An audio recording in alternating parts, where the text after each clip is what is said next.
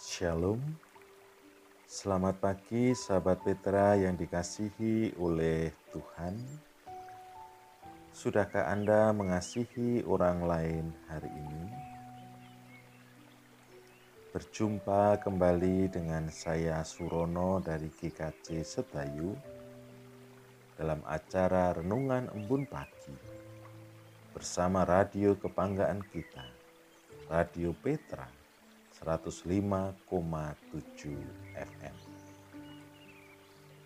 Sahabat Petra yang dikasihi oleh Tuhan, marilah kita naikkan syukur kepada Tuhan atas anugerahnya yang telah dinyatakan di dalam kehidupan kita. Di mana di pagi ini kita boleh bersama-sama bersekutu dalam acara embun pagi. Adapun tema renungan embun pagi yang akan kita dengarkan bersama-sama dan akan kita hayati dengan tema murka Herodes berdasarkan pada bacaan Injil Matius pasal 2 ayat 13. Sahabat Petra yang dikasihi oleh Tuhan. Sebelum kita bersama-sama merenungkan firman Tuhan di pagi ini, marilah kita menyatukan hati di dalam doa. Mari kita berdoa. Di pagi ini kami bersyukur ya Bapa, di mana Engkau telah berkenan menjaga kami di dalam kami beristirahat malam. Di pagi yang indah ini Engkau telah bangunkan kami. Engkau memperbolehkan kami untuk bersekutu melalui acara embun pagi bersama Radio Petra.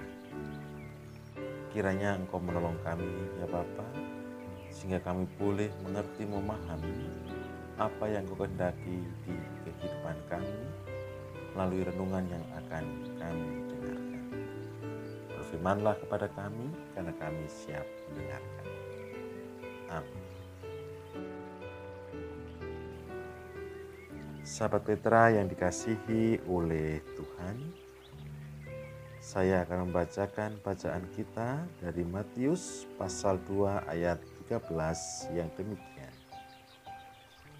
Herodes akan mencari anak itu untuk membunuh dia. Demikianlah bacaan kita saat ini. Yang berbahagia ialah mereka yang mendengarkan, merenungkan firman Tuhan di dalam kehidupan hari lepas hari. Maranatha. Sahabat Petra yang dikasihi oleh Tuhan. Seringkali di sekitar kita kita jumpai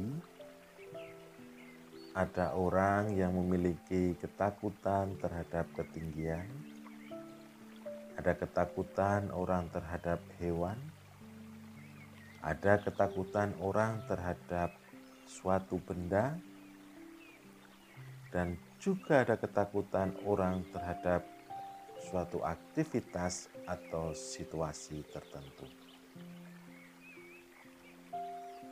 Ketakutan tersebut dinamakan fobia. Sebagai contoh, ada orang yang takut kepada kemuceng. Ada orang yang takut kepada tikus. Ada orang yang takut kepada nasi. Dan juga ketakutan-ketakutan lainnya yang sering kali bahkan membuat kita tertawa. Fobia bisa dialami oleh setiap orang bahkan fobia yang sangat menakutkan atau fobia yang berada dalam kondisi permanen akan menyebabkan reaksi fisik dan stres secara psikologis. Tanpa disadari, fobia tersebut ternyata juga berbahaya bagi kehidupan manusia. Lalu bagaimana ketika seseorang sudah mengalami fobia dan apakah bisa disembuhkan? Tentu ketika fobia itu tidak permanen bisa. Dengan cara terapi yang dilakukan secara rutin. Akan tetapi fobia yang sangat-sangat berat dan bahkan bisa disebut sudah parno yang akut itu akan menyebabkan seseorang kehilangan akan akal sehatnya. Karena ketika melihat sesuatu, karena ketika berjumpa dengan orang ia akan merasakan dirinya itu terancam dan kalau bisa ancaman itu segera disingkirkan. Lalu bagaimana ketika seseorang yang memiliki kuasa yang luar biasa itu memiliki fobia atau paranoia yang berat. Tentu akan berakibat fatal dan juga berimbas kepada orang-orang yang ada di sekelilingnya.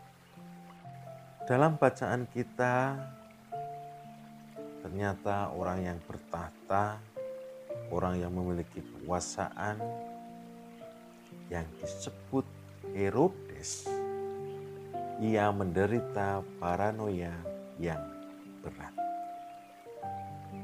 Herodes merasa terancam bahwa kedudukannya, bahwa tahtanya akan diambil alih, sehingga di dalam dirinya muncul ketakutan terhadap pesaing.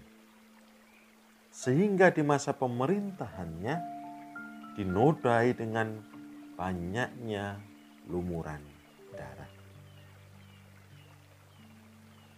Herodes tidak segan untuk menyingkirkan orang yang mengancam kedudukannya, bahkan anggota keluarganya pun itu disingkirkan.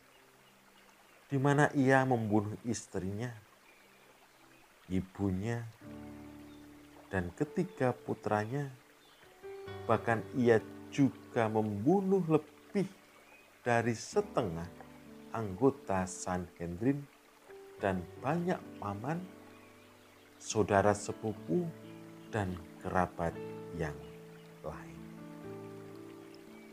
Herodes merasa terancam bila nanti kedudukannya diambil dan bahkan ia menjelma menjadi monster yang sangat menakutkan, menjadi orang yang tak punya belas kasihan.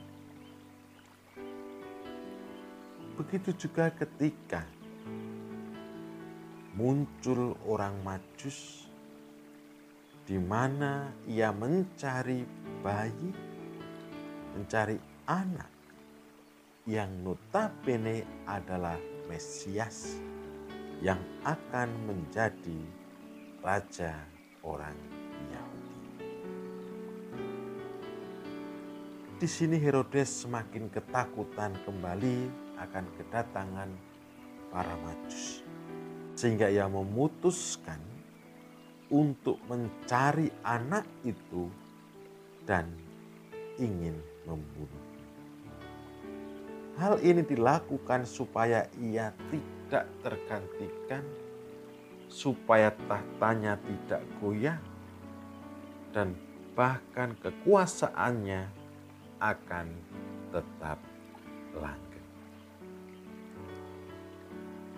Kehadiran seorang anak yang ditanyakan kepada Herodes ini menjadi awal ketika Herodes membunuh banyak anak kecil supaya apa yang menjadi harapan tidak terwujud. Jelas apa yang dilakukan oleh Herodes ini adalah buah dari ketakutan-ketakutan yang ia alami. Sehingga ia rela melakukan apa pun meskipun itu bertentangan dengan hak asasi, bertentangan dengan apa yang menjadi kehendak Tuhan. Di mana sebenarnya seorang raja harusnya bisa mengayomi rakyatnya, tetapi karena ketakutan yang besar, sehingga ia rela untuk mengorbankan orang lain, supaya kedudukannya tetap langgeng, supaya kedudukannya tetap abadi. Sahabat Petra yang dikasihi oleh Hal ini ternyata terjadi bukan hanya pada zaman Raja Herodes. Tetapi sekarang ini pun juga terjadi. Banyak orang menghalalkan segala cara untuk mendapatkan apa yang menjadi keinginannya dan bahkan rela untuk mengorbankan apa pun harta benda bahkan nyawa ia korbankan untuk mendapatkan apa yang diinginkan.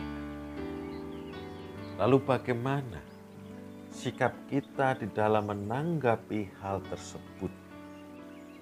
Ini pertanyaan yang harus kita gumulkan terlebih di dalam masa Advent di mana sebentar lagi kita akan merayakan hari kelahiran Tuhan Yesus, di mana Yesus datang di dunia ini untuk menebus, untuk memulihkan relasi kita dengan Allah. Sahabat Petra yang dikasihi oleh Tuhan. Tentu di tengah-tengah situasi saat ini kita kadang juga menjadi fobia cemas, takut akan apa yang terjadi, takut dengan apa yang akan kita hadapi. Tetapi ingatlah, kita harus memandang Yesus. Terlebih dalam kita akan menyambut hari kelahirannya. Di mana ia menjadi raja di atas segala raja. Raja yang memberi kedamaian, Raja yang memberikan ketentraman, Raja yang memberikan sukacita, dan Raja yang memberikan damai sejahtera bagi kita semua. Untuk itu, marilah kita seperti orang Majus yang datang menyembah Dia dengan penuh sukacita di tengah-tengah kerapuhan, di tengah-tengah ketakutan yang kita rasakan. Supaya kita bisa memperoleh kekuatan, boleh memperoleh sukacita yang dari Tuhan Yesus Kristus. Tuhan memberkati kita semua.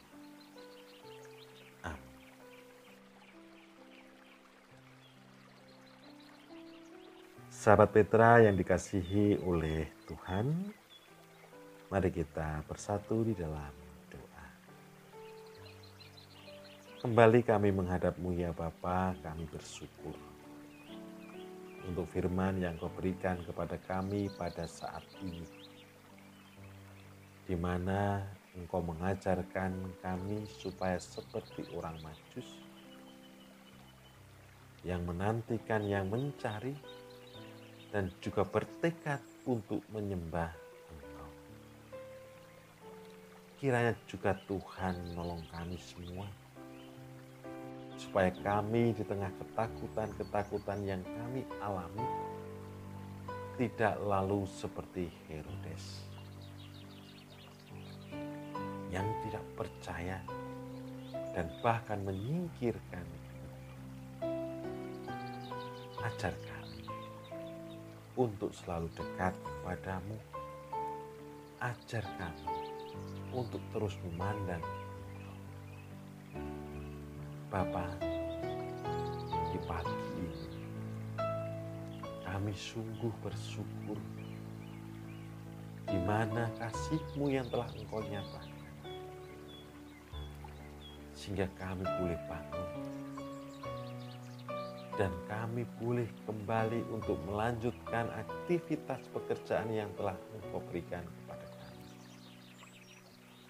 Kami mohon kiranya Engkau menyertai kami semua sehingga di dalam kami menjalani hari pemberianmu ini dapat terus mewartakan kabar sukacita, menjadi saksi-saksimu, dan bahkan kami boleh untuk belajar mengasihi di dalam kehidupan kami. Untuk itu sertai kami ya Bapak. Kami yang bekerja baik sebagai petani, pedagang, wira swasta, PNS. Baik kami yang bersekolah, itu juga kami yang ada di rumah. Tuhan senantiasa memberikan berkat kecukupan bagi kami semua. Dan kiranya engkau juga memberikan berkat kesehatan dan engkau juga jauhkan kami dari segala godaan dan cobaan yang akan menimpa kepada Biarlah dalam kami menjalani hari ini, nama Tuhan semakin dimuliakan. Kami menyerahkan hari-hari kami Tuhan, aktivitas kami di pagi ini ke dalam tangan Kau sendiri yang menolong kami. Kau sendiri yang mampukan kami. Dalam nama Tuhan Yesus Kristus, kami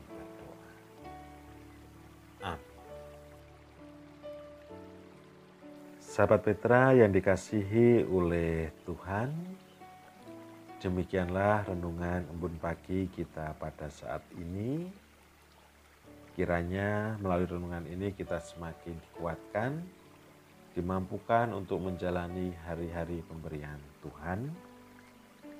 Jangan lupa untuk terus patuh pada protokol kesehatan, selalu memakai masker, cuci tangan, dan selamat untuk menjalani hari pemberian Tuhan pada saat ini. Saya Surono mohon undur diri. Sampai jumpa dalam acara Renungan Embun Pagi selanjutnya. Tuhan memberkati kita semua. Amin.